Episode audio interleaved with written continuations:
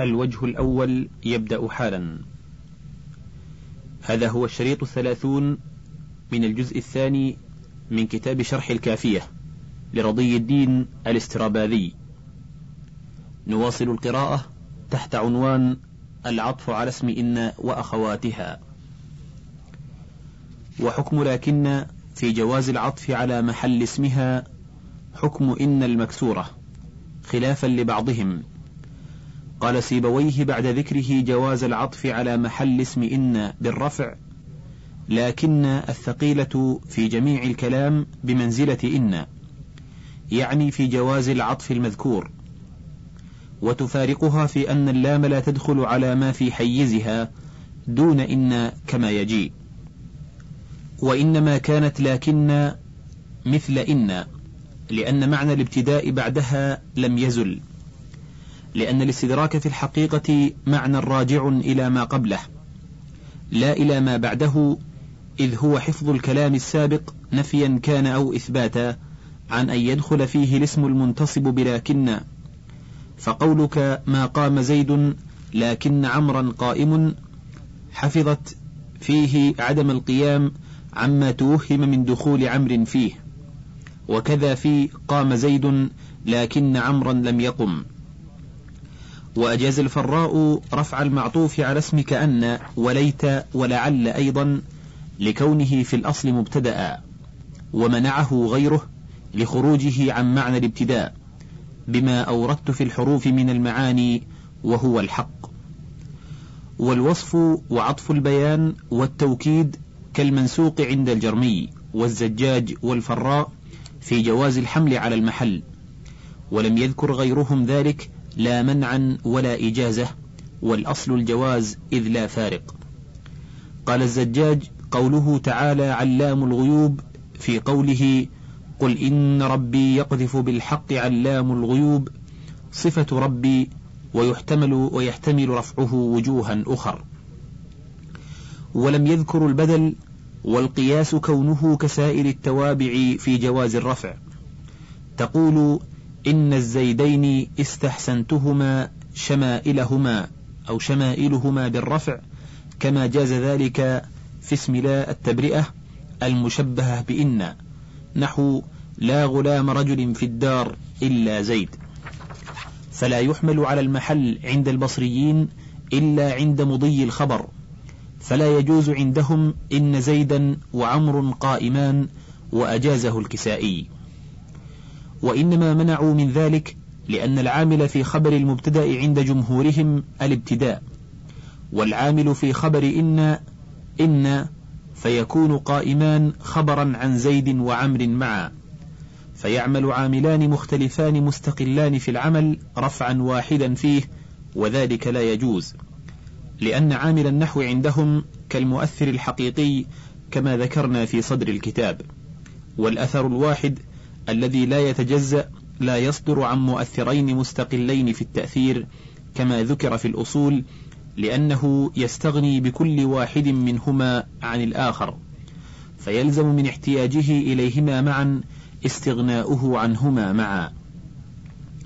ولو فرق الخبران بالعطف نحو إن زيدا وهند قائم وخارجه لم يأتي الفساد المذكور فيجب جوازه ويكون الكلام من باب اللف كقوله تعالى ومن رحمته جعل لكم الليل والنهار لتسكنوا فيه ولتبتغوا من فضله فإذا قدمت الخبر على العطف فإما أن تأتي للمعطوف بالخبر ظاهرا نحو إن زيدا قائم وعمر كذلك أو تحذفه وتقدره والأكثر الحذف نحو إن زيدا قائم وعمر ولا يجوز أن يكون هذا من باب عطف المفرد لأن قائم لا يكون خبرا عن الاسمين. وإنما أجاز الكسائي نحو إن زيدا وعمر قائمان لأن إن وأخواتها لا تعمل عند الكوفيين في الخبر. فالعامل في خبر إن اسمها لأن المبتدأ والخبر يترافعان عنده فلا يلزم صدور أثر عن مؤثرين. والفراء توسط مذهبي سيبويه والكسائي فلم يمنع رفع المعطوف مطلقا بل فصل وقال إن خفي إعراب الاسم بكونه مبنيا أو معربا مقدر الإعراب جاز الحمل على المحل قبل مضي الخبر. نحو إنك وزيد قائمان وإن الفتى وعمر قاعدان وإلا فلا لأنه لا ينكر في الظاهر كما أنكر مع ظهور الإعراب في المعطوف.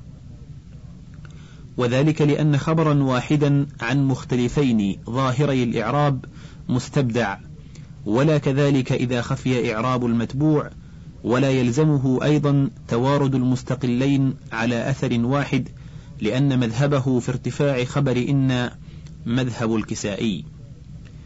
وأما قوله تعالى إن الذين آمنوا والذين هادوا من آمن الآية فعلى أن الواو في والصابئون اعتراضية لا للعطف وهو مبتدأ محذوف الخبر أي والصابئون كذلك لسد خبر إن مسده ودلالته عليه كما في يا تيم تيم عدي. على مذهب المبرد ومنه قوله فمن يك أمسى بالمدينة رحله فإني وقيار بها لغريب. أي فإني وقيار كذلك بها لغريب. وسمع سيبويه قبل الخبر توكيد اسم إن المبني. وكذا المعطوف غير منوي الخبر نحو إنهم أجمعون ذاهبون. وإنك وزيد ذاهبان. وذاهبان خبر عنهما بلا شك. وسهل ذلك وجوزه بعض التجويز بناء الاسم. وأجاز الكسائي رفع المعطوف على أول مفعولي ظن وأخواته إن خفي إعراب الثاني. نحو ظننت غلامك زائري وعمر.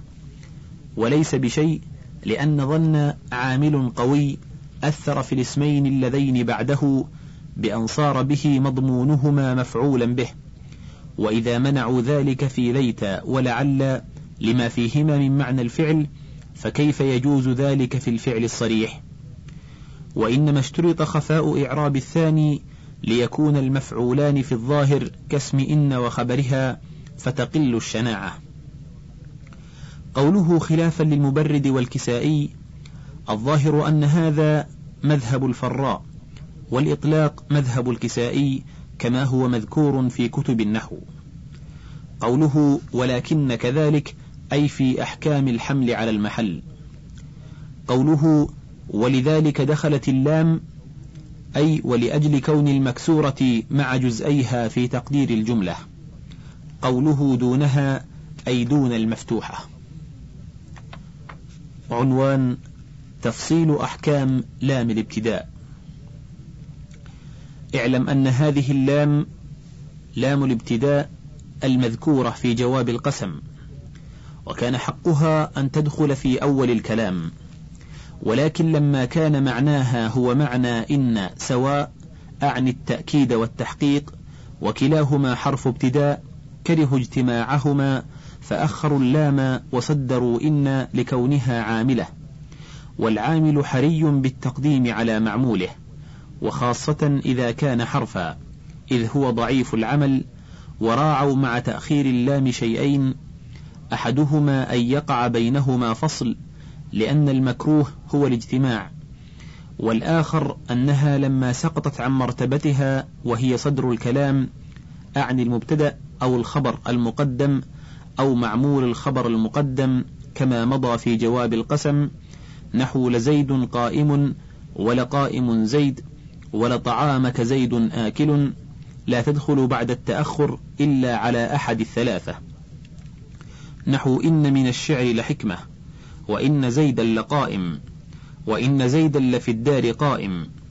ولا تدخل على متعلق الخبر المتأخر عن الخبر فلا يقال إن زيدا قائم لفي الدار لئلا يبخس حقها كل البخس بتأخير ما حقه صدر الكلام عن جزئي الكلام اللذين هما العمدتان.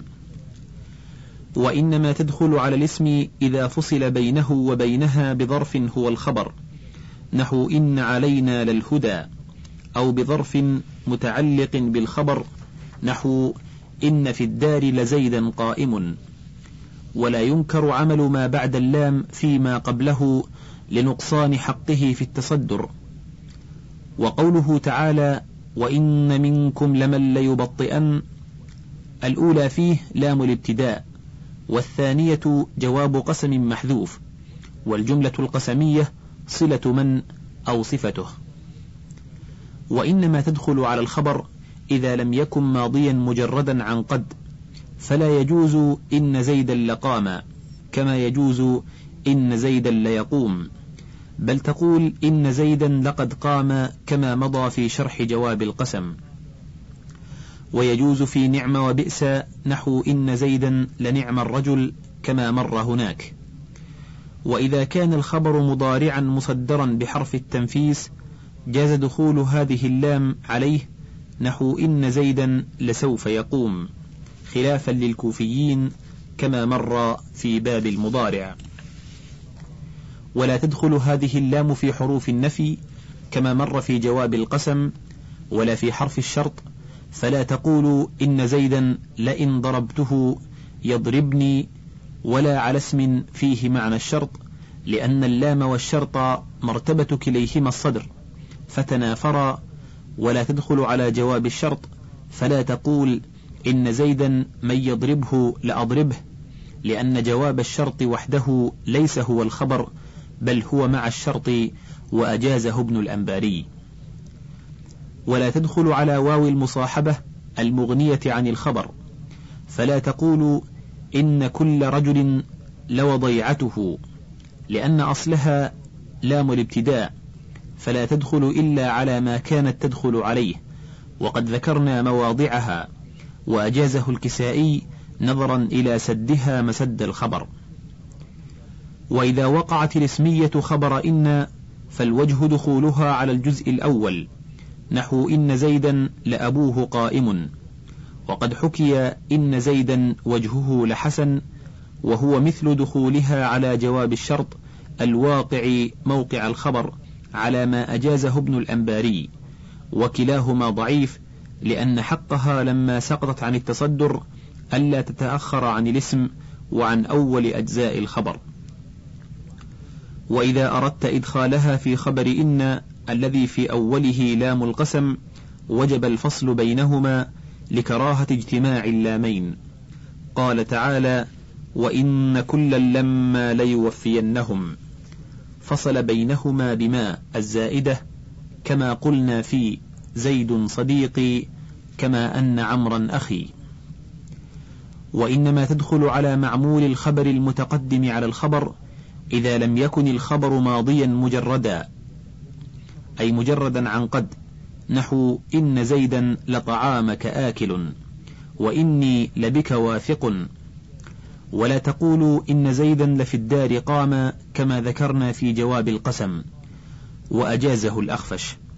وقد تدخل على غير الثلاثة المذكورة وهو الفصل المسمى عمادا كقوله تعالى إنك لأنت الحليم الرشيد. وذلك لوقوعها موقع الخبر فكأنها دخلت على الخبر مع أن كل فصل في مثل هذا المقام يحتمل أن يكون مبتدأ لارتفاع ما بعده.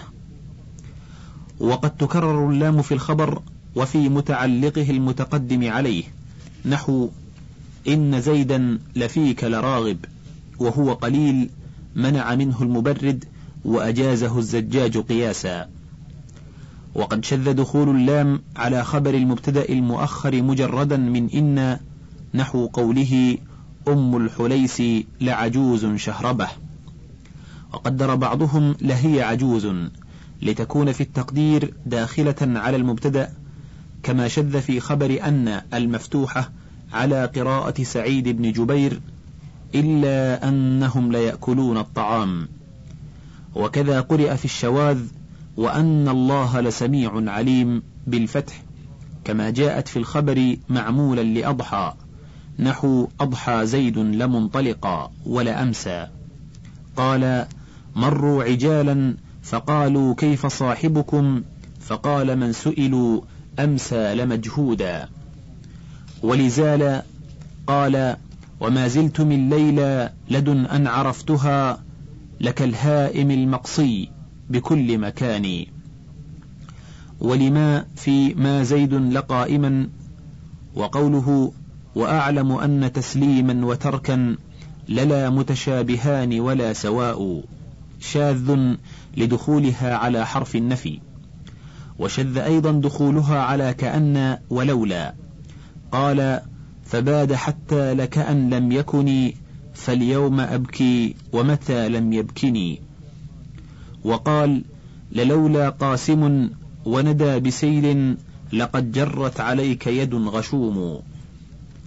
واعلم أن أصل شهدت أن يتعدى بالباء نحو شهدت بكذا وشهدت بأن زيدا قائم. ويجوز مع أن حذف الجار كما هو القياس نحو شهدت أنك قائم. وأما قوله تعالى نشهد إنك لرسول الله فنشهد محمول على نعلم لأن أصل الشهادة أن تكون عن علم ونشهد معلق كعلمت في نحو علمت لزيد قائم. إلا أن شهدت لا ينصب المفعولين نصب علمت فلا تقول شهدت زيدا قائما. وعلمت يجري مجرى القسم على ضعف فتقول إذا علمت أن زيدا قائم بكسر إن. وكذا شهدت. تقول في الشعر أشهد إنك ذاهب والمشهور الفتح فيهما. وكذا قد يجيء أشهد لقد رأيته كذا. كأنه قيل والله لقد رأيته. وكذا أشهد لأخرجن. قال ولقد علمت لتأتين منيتي إن المنايا لا تطيش سهامها. وقد يقال ظننت لتموتن. لكونه بمعنى علمت وإجراؤها مجرى القسم ضعيف كما أن حذف اللام المعلقة بعدها ضعيف كعلمت في علمت زيد قائم وشهدت زيد فاضل كقوله إني وجدت ملاك الشيمة الأدب. والدليل على جواز إجراء الشهادة مجرى اليمين قوله تعالى فشهادة أحدهم أربع شهادات بالله إنه لمن الصادقين. ففي قولك شهدت إن زيدا لقائم وأشهد لزيد قائم يجوز أن يكون شهدت فيه معلقا كظننت لزيد قائم. ويجوز أن يكون مجرا مجرى القسم واللام وإنا جوابه ولا يجوز إجراء شهدت مع الباء مجرى علمت. نحو أشهد بأن زيدا لقائم لأن حرف الجر لا يعلق. ولا يجوز أشهد أنه ذاهب وإنك لقائم لعطفك الجملة على المفرد. واعلم أن من العرب من يقول لهنك لرجل صدق. قال أبائنة حب حبا نعم وتماضر لهن لمقصي لمقضي علينا التهاجر. وقال لهني لأشقى الناس إن كنت غارما لدومة بكرا ضيعته الأراقم. وقد تحذف اللام وهو قليل كقوله ألا يا سنا برق على قلل الحمى لهنك من برق علي كريم. وفيه ثلاثة مذاهب أحدها لسيبويه وهو أن الهاء بدل من همزة إن كإياك وهياك فلما غيرت صورة إن بقلب همزتها هاء جاز مجامعة اللام إياها بعد الامتناع.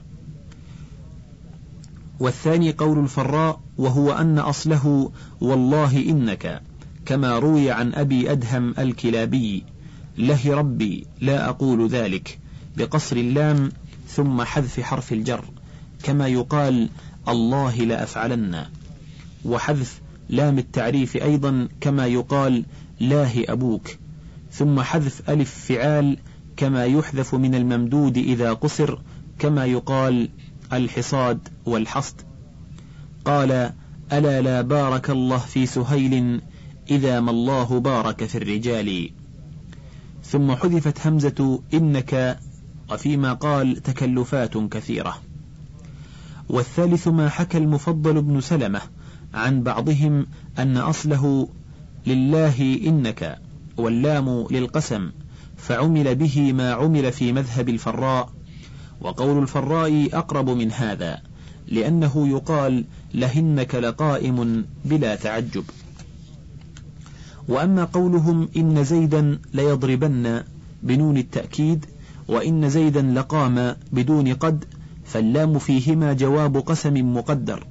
أي والله ليضربن ووالله لقام وإنما جاز حذف قد في الماضي مع لام جواب القسم دون لام إن وإن كان كلاهما في الأصل لام الابتداء لأن القسم يحتمل الحذف أكثر لأن هناك جملتين في حكم جملة واحدة.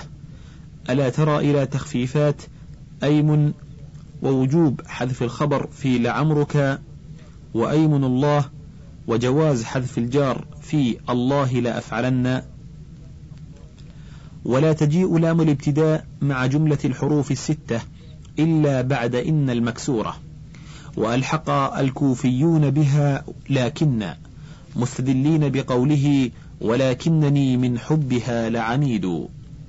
قالوا إن ذلك لأنها لا تغير معنى الابتداء كإن. ولذا جاز العطف على محل اسمها بالرفع. وأما البصريون فقالوا كان حق اللام ألا تجامع إن المكسورة مكسورة أيضا لأنها تسقط بسببها عن مرتبة الصدر.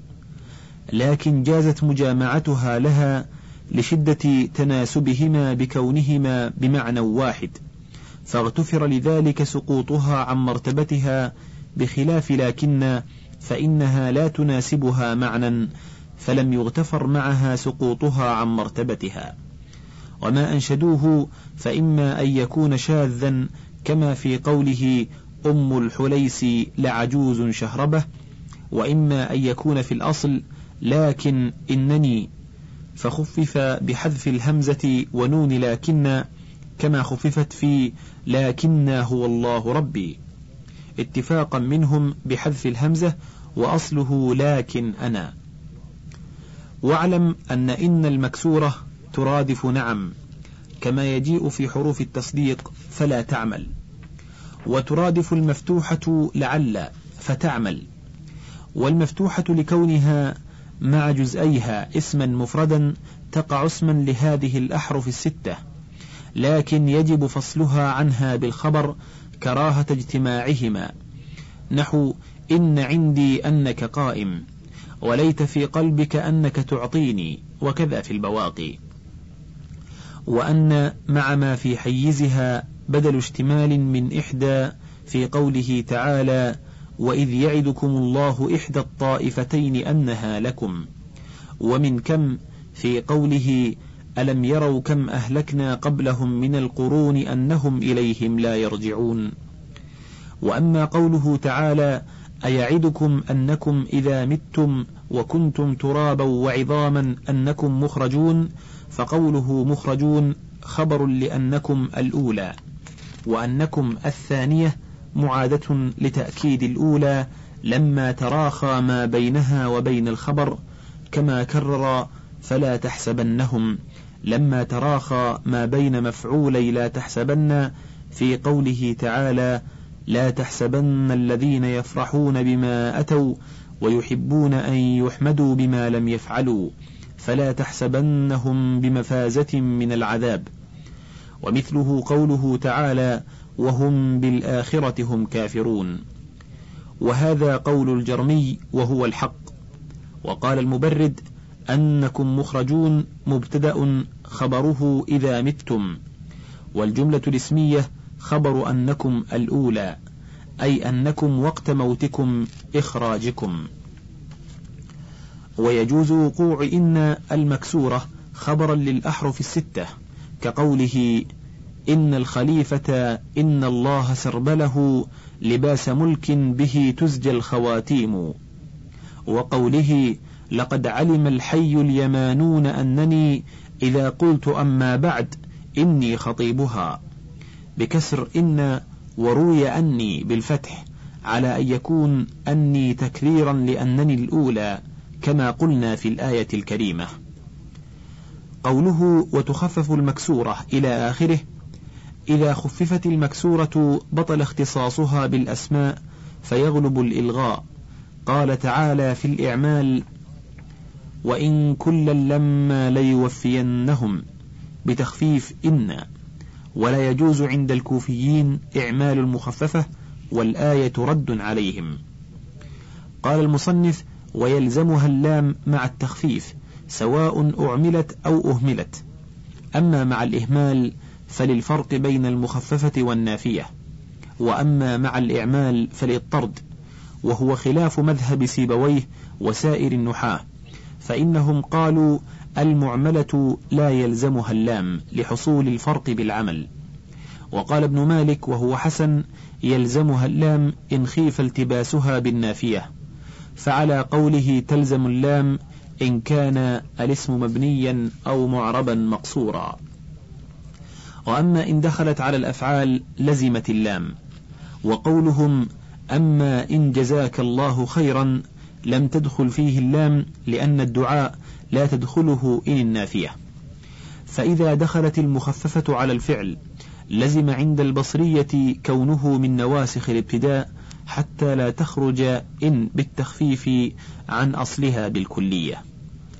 والكوفيون يعممون جواز دخولها على الأفعال كلها قياسا كقوله تالله ربك إن قتلت لمسلما وجبت عليك عقوبة المتعمد وقولهم إن يزينك لنفسك وإن يشينك لهية وهو عند البصريين شاذ. واختلف في هذه اللام الفارقة فمذهب أبي علي وأتباعه أنها غير لام الابتداء التي تجامع المشددة بل هي لام أخرى للفرق. إذ لو كانت للابتداء لوجب التعليق في إن علمت لزيدا قائما. ولما دخلت فيما لا تدخله لام الابتداء في نحو إن قتلت لمسلما وإن يزينك لنفسك. وذهب جماعة إلى أنها لام الابتداء والجواب عن قولهم إن علمت لزيدا قائما أن التعليق واجب لو دخلت على أول مفعولي أفعال القلوب إلا أنها لا تدخل بعد الأفعال الناسخة للابتداء إلا على الجزء الأخير وهو, الخط وهو الخبر. وتدخل مع المثقلة إما على المبتدأ المؤخر أو الخبر أو القائم مقامه. وفي الأمثلة الواردة في التنزيل لم تدخل إلا على ما كان خبرا في الأصل نحو وإن كانت لكبيرة وإن كنت من قبله لمن الغافلين وإن وجدنا أكثرهم لفاسقين. وإن نظنك لمن الكاذبين. ولما نصب الأول لخلوه عن مانع ومعلق فلا بد من نصب الثاني وإن دخله لام الابتداء. قال تعالى وإن يكاد الذين كفروا ليزلقونك وإن كادوا ليفتنونك. وأما قوله إن قتلت لمسلما وإن يزينك لنفسك فشاذ. وفرق الكسائي بين إن مع اللام في الأسماء وبينها معها في الأفعال فجعلها في الأسماء المخففة وأما في الأفعال فقال إن نافية واللام بمعنى إلا لأن المخففة بالاسم أولى نظرا إلى أصلها والنافية بالفعل أولى لأن معنى النفي راجع إلى الفعل وغيره من الكوفيين قالوا إنها نافية مطلقة دخلت في الفعل أو في الاسم واللام بمعنى إلا. وقال البصريون لو كانت اللام بمعنى إلا لجاز جاءني القوم لزيدا أي إلا زيدا. ولا يلزم ما قالوا إذ ربما اختص بعض الأشياء ببعض المواقع كاختصاص لما بالاستثناء بعد النفي.